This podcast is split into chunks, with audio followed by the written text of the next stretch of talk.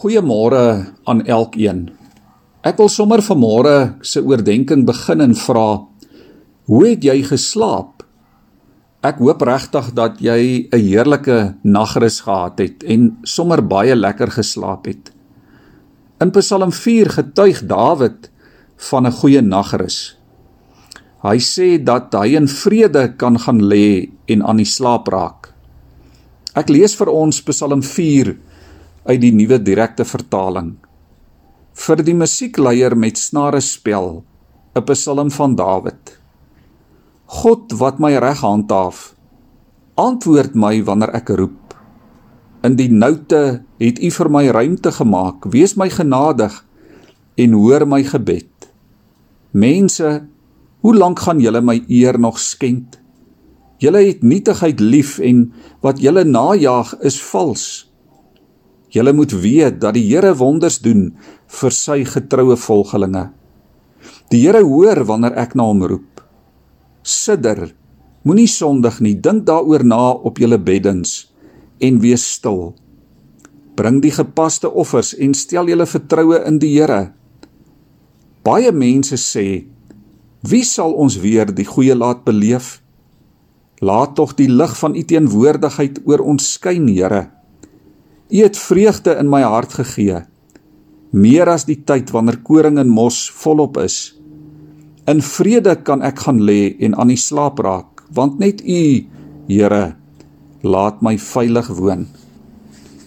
Hierdie Psalm het betekenis vir elke dag van jou en my lewe. Want na elke dag word dit aand en word dit donker. En ons weet die nag hou dikwels onsekerhede en bekommernisse in. Ek weet nie van jou nie, maar oor die algemeen gewoonlik slaap ek so vas soos 'n klip. Die skelms kan my letterlik wegdra en ek gaan dit dalk nie eers agterkom nie. Dit is 'n voorreg om goed te kan slaap. Maar dis nie noodwendig altyd so nie. Daar kan mediese of ander redes wees hoekom 'n mens dalk nie rustig slaap nie. Soms is daar moegheid of benoudheid of bekommernis wat kan lei tot slaaploosheid of tot tye van onrustig slaap. Dawid se geheim is nie 'n slaappil nie. Sy geheim is die Here. In vers 9 sê Dawid ook: U alleen, o Here, laat my veilig woon. Psalm 4 sê ons kan rus hê in ons moegheid.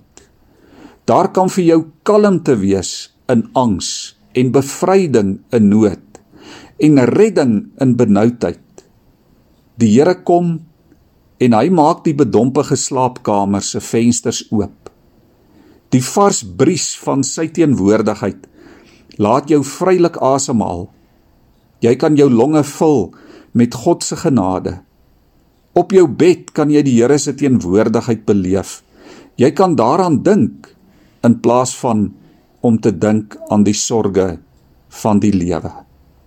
Vers 5 sê: Dink na oor die Here se sorg op jou bed en wees stil.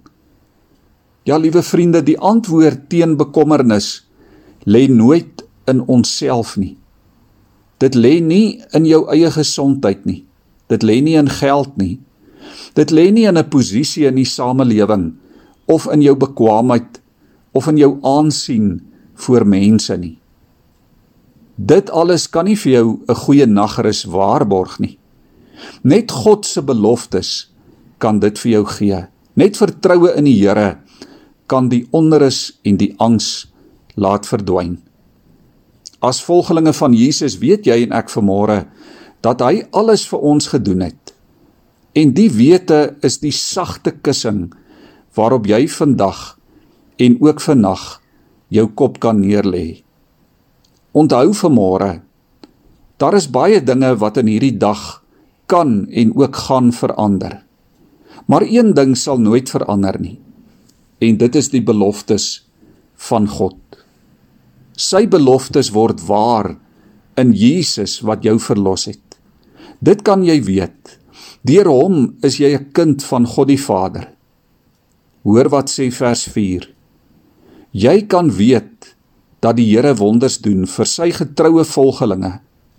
Die Here hoor wanneer jy na hom roep.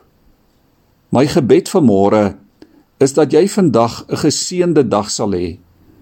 En wanneer jy vanaand jou kop neerlê, dat jy dan die seën en die vrede van God sal geniet. Kom ons bid saam. Here, dankie dat U trou die sagte kopkussing is waarop ons kan rus en waarin ons veilig is. Here, laat ons die uitdagings en die geleenthede van hierdie dag laat ons dit hanteer met die wete dat U wonderwerke doen en dat U 'n waarmaker is van U beloftes. Amen.